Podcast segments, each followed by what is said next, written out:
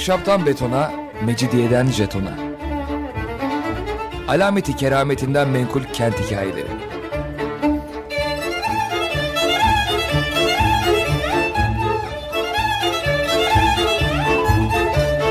Hazırlayan ve sunan Pınar Erkan.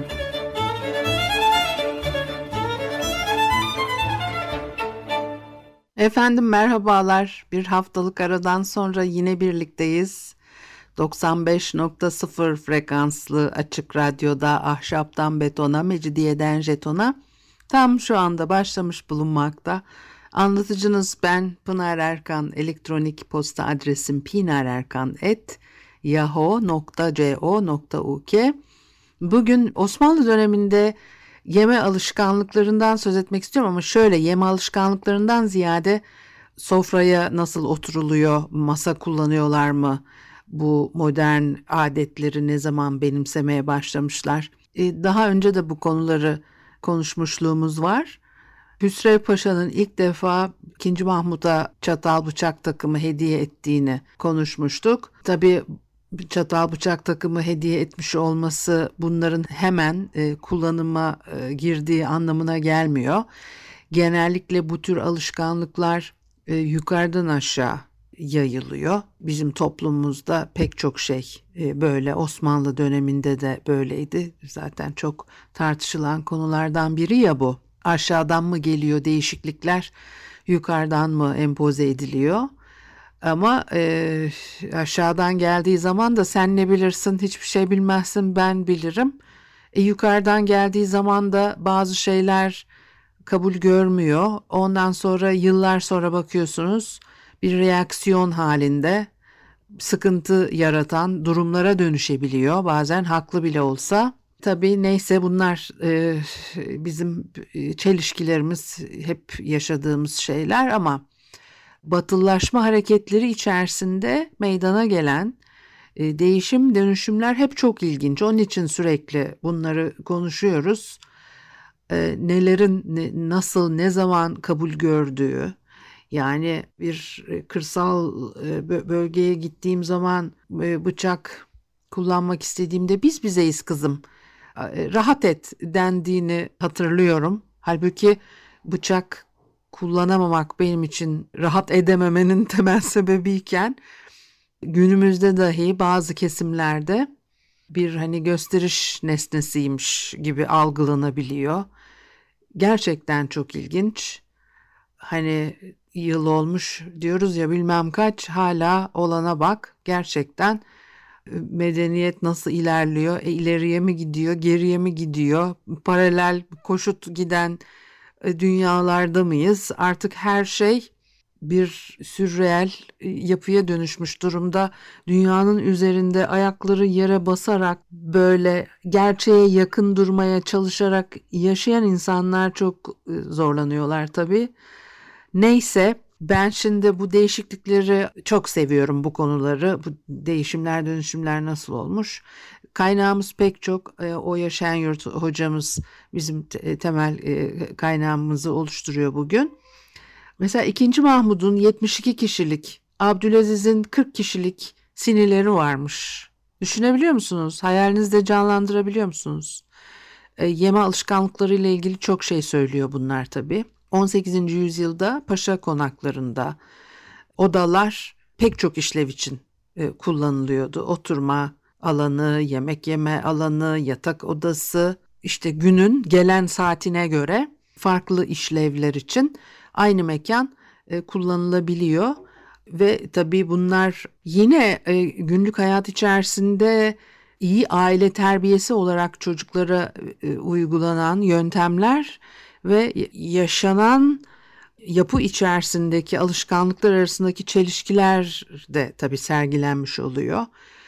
Hacı Süleyman Ağa yalısında e, Semiha Ayverdi anlatıyor 19. yüzyılın sonunda e, gündelik yaşantıyı. Dadılar çocuklara e, sofra başı adabını öğretiyorlar ve çok katılar bu konularda. Leğen, ibrik, havlu tutan halayıkların yerlerini almaları, o günlük hayattaki en basit işlerin bile bir üslup ve kurallar dizisi şeklinde düzenlenerek e, uygulanması ifade ediliyor. Fakat Bütün bu kurgu, bu dikkat, bu düzen, bu ritüel yemek sinisi etrafında toplanarak e, gerçekleştirilen bir şey. Hani yemek sinisi tabii tamamen masanın e, yerine e, kullanılan bir şey. 18. yüzyılda bir takım değişiklikler var ama onlar henüz daha Osmanlı toplumuna sirayet etmiş değil en üst seviyelerde bile. 19. yüzyılın sonlarında bile toplumun üst seviyelerine üye kişiler evlerinde e, sofra kurmak için pek de ayrı bir mekan e, ayırmış değiller. Bir masa üzerinde kurulan e, sofra düzenine geçiş belki hala başlangıç aşamasında yemeklerle ilgili 20. yüzyılın başında da bu çatal bıçak kullanma meselesinin nasıl bir eziyete dönüşebileceğini anlatan yazarlarımız vardı onlardan çok eski programlarda alıntılar yaptığımı hatırlıyorum. Ahmet Mithat Efendi yine e, bu konuda yazan ve şikayetlenen ve çok güzel e, olaylara teşhis koyan bir tabii isim olarak karşımıza çıkıyor. Avrupa'da böyle değil. 18. yüzyılda örneğin ekonomik, politik gelişmeler tabii çok hız alıyor. E, nüfus artışı söz konusu. Sanayi devriminden önce o tarım devrimi.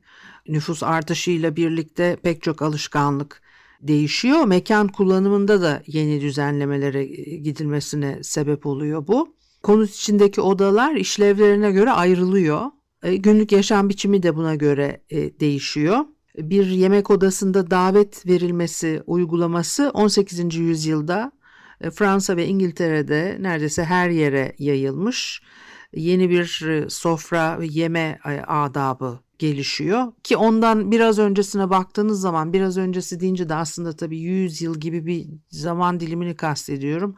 100 yıl çok uzun ama hem de ne bileyim ben kısa biz çünkü hep böyle konuşurken 100 yıllar arasında hoplayıp hoplayıp e, duruyoruz ya o anlamda e, kısa. Orada da kaşıkla yemek yiyor. Sıradan halk aslında e, büyük değişikliklerin olduğu bir dönem olarak 18. yüzyıllar daha çok karşımıza çıkıyor. Neyse bu dönemde e, bir e, masada yemek yemek, e, yemek odaları, buralarda davet verilmesi hani mekan üçe ayrılmış oluyor bu şekilde konut içerisinde salonlar çok gösterişli konuklar kabul ediliyor kişiye ait özel odalar ortaya çıkıyor bir de yine gene çok eski programlarda konuşmuştuk diye hatırlıyorum. Yemeği yiyorlar ondan sonra ayrı bir odaya geçiyorlar. Orada içkilerini alacaklar ama bir taraftan da o kadar çok yemişler ki o yemekler e, vücudun içinde mideden bağırsağa bağırsaktan yol alarak bir ciddi basınç e, söz konusu oluyor ve bu iş için tuvalet sandıkları falan var o tuvalet sandıkları herkesin uşağı tarafından salona taşınıyor. Üstleri değerli taşlar, altın kaplamalar neyse çok süslü. Ve işte bir taraftan ihtiyaçlarını gideriyorlar bir taraftan. Ne kadar acayip değil mi? Hani hiç kendimizi hayal bile edemeyiz bugün. Öyle bir ortamda sandığımıza oturmuşuz. Kocaman süslü bir odada bir taraftan acaba içkilerini de mi bu esnada alıyorlardı? Ve ne bileyim ben Roma döneminde de biliyorsunuz tuvaletler yan yana filan. Çok acayip gerçekten ama gene de medeniyetin bazı noktalarda oralarda daha e, gelişmiş olduğunu göz ardı edemeyiz. Biz bu tür şeyleri böyle beğenmemeyi çok seviyoruz ama bunlar her zaman e, gerçeği yansıtmıyor tabii. Osmanlı yöneticileri yabancı elçilere özellikle 19. yüzyılda diğer devlet adamlarına ziyafet veriyorlar. Tamam 18. yüzyılda da başladı. Şimdi bazen böyle bunları anlatırken bir mesaj, bir mail geliyor ama o öyle değildi de şöyleydi diye çok ender olmakla birlikte. Benim burada her şeyi en ince detayına kadar anlatmama imkan yok şu kısacık süre zarfında. Onun için bazı kabuller alarak devam ediyorum. Lütfen bunu göz ardı etmeyiniz. Yoksa bir konuyu çok etraflıca hakkını vererek incelemeye kalkarsak bizim burada çok saatler geçirmemiz lazım. Ben böyle parça parça bir yerlerden size pencereler açıyormuşum gibi e, düşünebilirsiniz. O pencereden baktığımız zaman da görebileceğimiz yer sınırlı oluyor tabii. Bunu göz ardı etmemenizi rica ederim. Şimdi Osmanlı yöneticileri özellikle 19. yüzyılda devlet adamlarına, yabancı elçilere ziyafetler veriyorlar. Onun içinde o batılı mekan tefrişleri önemli hale geliyor. Kadınların bu ziyafetlerde bulunması ayrı bir mesele. Adab-ı muaşeretteki değişimin saray protokolüne, yemeğin yenme biçimi ve sofraya yansıması 19. E, yüzyılın sonunu buluyor. Örneğin 1884 yılına ait bir belgede Yıldız Sarayı Baş Kitabet Dairesi'ne Paris'ten gelen ve Sefir Münir tarafından yazılan e, bir evrak. E, Yıldız Sarayı'nda olduğu tahmin edilen 2 ve 3 numaralı salonlarla alt katta yer aldığı söylenen yemek salonunun yabancı hükümdar ve sefirler için kullanılacağından e, mükemmel surette döşenmesinin padişahın şanı gereği olduğu kaydedilmiş. O yaşayan yurtu bildiriyor bunu bize. Bu zamana kadar da geleneksel sofra kültürü Osmanlı Sarayı'nın bütün teşrifatıyla kurumlaştığı dönemde devam ediyor. İşte öyle 2. Mahmut'un 72 kişilik, Abdülaziz'in 40 kişilik sinilere sahip olması e, karşımıza çıkıyor. E, masada yemek yeme alışkanlıkları yokmuş demek ki onu görüyoruz. Her ne kadar Abdülaziz Avrupa'da büyük bir e, etki yaratmış da olsa onlardan hiç de farklı değil konuşması Fransızca konuşması yeme içme adabı hayal kırıklığı yaratıyor ya orada ama evinde yine de daha e, başka türlü rahat ediyormuş diyebiliriz onu anlıyoruz. Osmanlı Sarayı'nın o yemek masası sandalyeye geçişi Dolmabahçe Sarayı'yla başlamıştı e, aslında. Yıldız Sarayı'nda oturanların yemeklerini pişiren büyük bir mutfak varmış. E, padişahın yemeğini hazırlayan küçük bir e, mutfak varmış. iki çeşit mutfak ve o pişen yemekler tabla tabla dairelere yollanıyor. Sultan yemeğini istediği zaman tablası yemek yiyeceği odaya taşınıyor. Sultana ait özel bir yemek odası da yok. Hatta 2. Abdülhamit'in yahu ne zaman yerleşeceğiz hala göçebe hayatı yaşıyoruz daha bir malum olan yemek odamız yok e, dediği e, rivayet ediliyor. E, bu da gerçek mi değil mi onu da bilmiyoruz. Zaman zaman size Halit Ziya Uşaklıgil'den de aktardığım olmuştu. 20. yüzyılın başında Dolmabahçe Sarayı'ndaki onarımlar sırasında mabeynin ön kısmında ve kara tarafında geniş bir e, e, sofaya 24 kişilik bir masa ve sofra gereçlerini içine alabilecek bir dolap e, yerleştirilmiş. O sofa yemek odasına dönüştürülmüş. Böylece saray görevlilerine layık bir sofrada yemek yeme olanağı sağlanmış. Yine tablo usulü yemek yeme biçimi de devam ettirilmiş. Bir müzik arası verelim ondan sonra devam edelim. Efendim Açık Radyo'da ahşaptan betona, mecidiyeden jetona devam ediyor. Haliyle Pınar Erkan'ı dinlemektesiniz. Sofra alışkanlıkları, kim masada yiyordu, sarayda bu yöntem yerleşmiş miydi yoksa yer sofrasına mı oturuyorlardı e, bunları konuşuyorduk. Süreyya Faruki e, Osmanlılar masayı bilmiyorlardı.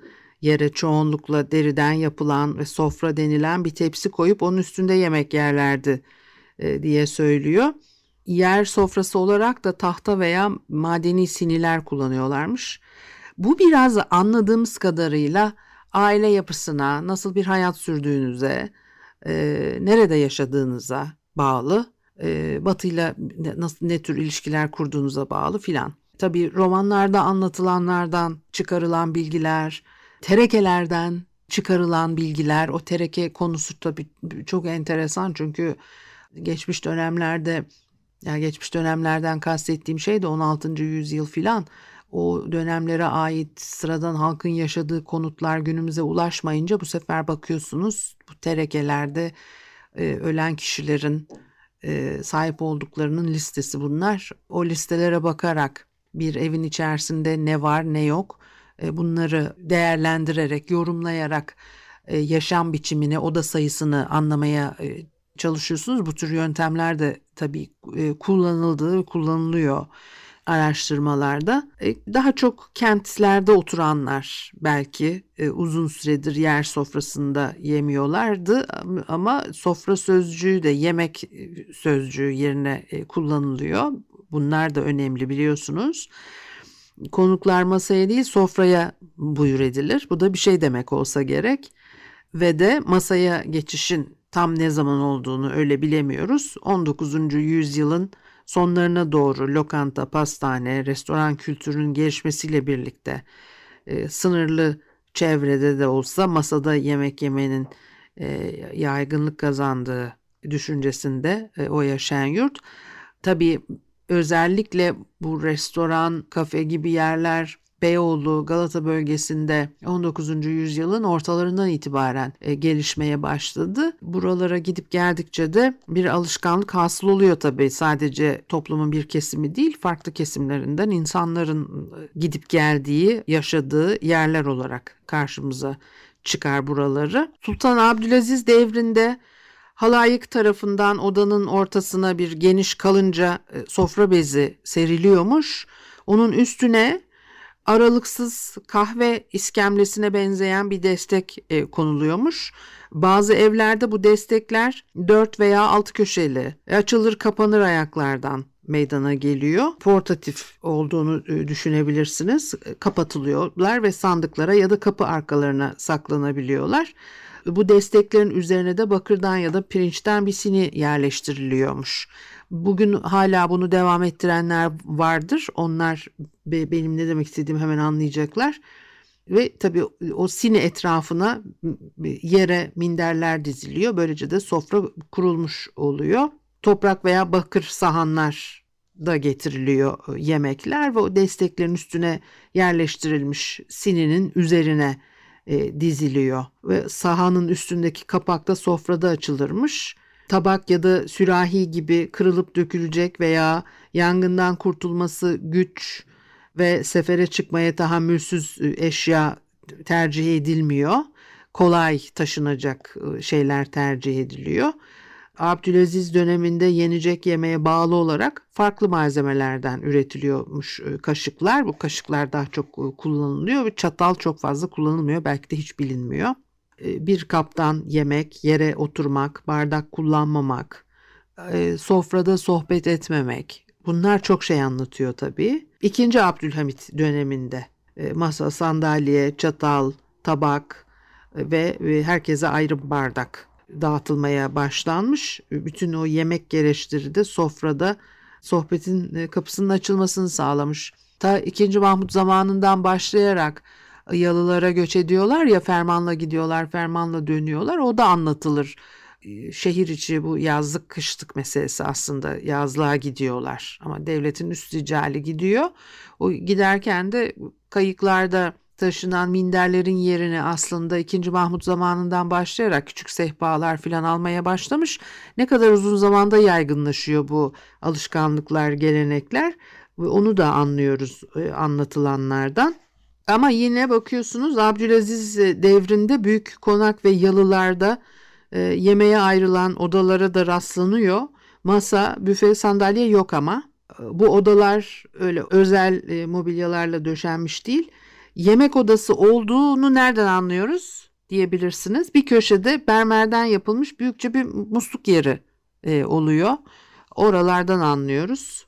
Katlanılabilir masalar kullanıyorlarmış ama e, yine 19. yüzyılda alt orta gelir seviyesine sahip evlerde mutfakta böyle bir katlanılır tahta yemek tablası hava güzel olduğu zaman bahçeye e, çıkartılıyor. Yine sini üzerinde sofra alışkanlığı işte ama devamlılığını göstermiş.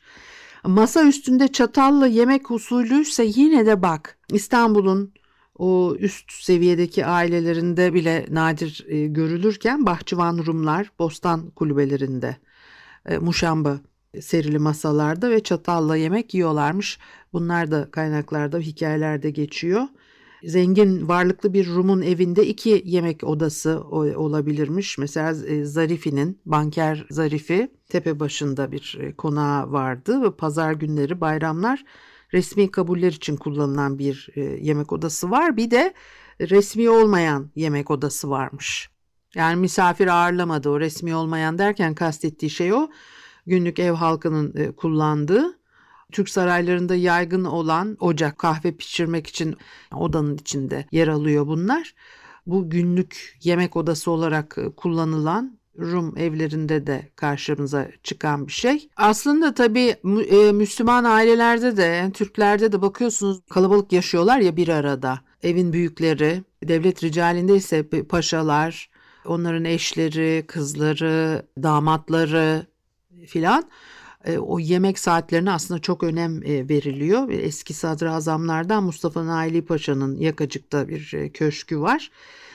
Yemek zamanları asla geciktirilmezmiş. Bu vakitleri tabii ki elbette evde çalışan hizmetliler biliyorlar. Aşçıbaşı zillere basarak ayvazları çağırıyor. Hazır olan o tablaları ayvazlar başlarına koyarak dairelere yemek götürüyorlarmış herkesin e, günün belirli saatlerinde e, odasını kısa süreliğine yemek odası olarak kullandığı anlaşılıyor bundan. Yine ayrı bir yemek odası yok ama İbrahim Efendi konağında ailecek yenen yemekler sofra, yemek düzeni konusundaki e, anlatımlara baktığımız zaman orada da bir geleneksel yemek e, yeme alışkanlığının devam ettirildiği görülüyor o siniler örtü yere seriliyor üstüne sini konuluyor bir de böyle hani bir arada yemek yeniyorsa mesela herkes yer sofrasına oturduğu bir anda ayakta bekleyen e, hizmetli kişi büyük bir e, maharetle elindeki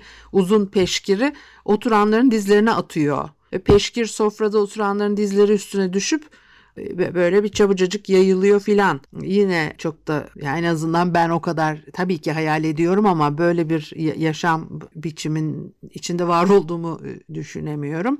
Ama bu toplumun bazı kesimlerinde hala o eski düzen çok daha konforlu bir düzen benimsenmiş bir düzen olarak devam ediyor. Bir de tabii başka şeyler de işin içine giriyor. Örneğin Osmanlı sofra düzeninde sağ elini ve kaşığı e, kullanma alışkanlığı söz konusu ya sağ elinde kaşığı e, tutacak öyle yiyecek yemeği.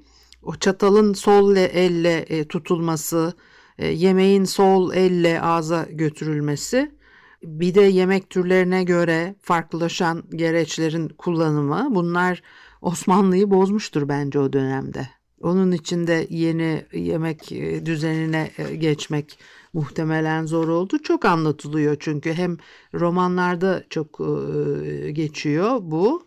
Yıldız Sarayı'nda bile 100 kişilik bir misafir grubuna yemek yedirecek bir oda, masa düzeni yok. Dolmabahçe Sarayı'ndaki tek yer cephesi karaya bakıyor, diğer cephesi denize bakıyor. İç mabeynle dış mabeyn arasında yer alan Zülveceyn ya da işte sofa adı verilen bir e, mekan. Kalabalık grupların yemekli ağırlanması, e, marangozlar buraya e, beyaz tahtadan bir iskele halinde ve üzerine bir ağır yük konduğu zaman onu çekebilecek sağlamlıkta bir sofra kuracak şekilde bir e, terkip yapmışlar. O sofranın üstüne beyaz örtü seriliyor. Altına kimse bakmaz diye düşünülmüş. Hani öyle masa tam masa gibi bir görüntü söz konusu değil. Bir de üstüne örtü örtmek zorundasınız ki o iskelevari görüntüyü kapatasınız.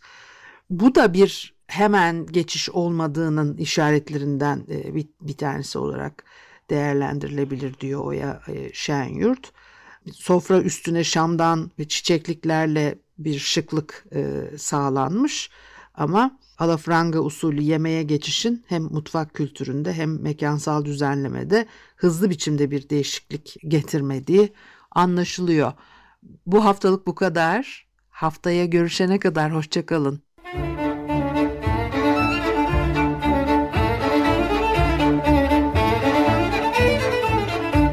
Ahşaptan betona, mecidiyeden jetona. Alameti kerametinden menkul kent hikayeleri.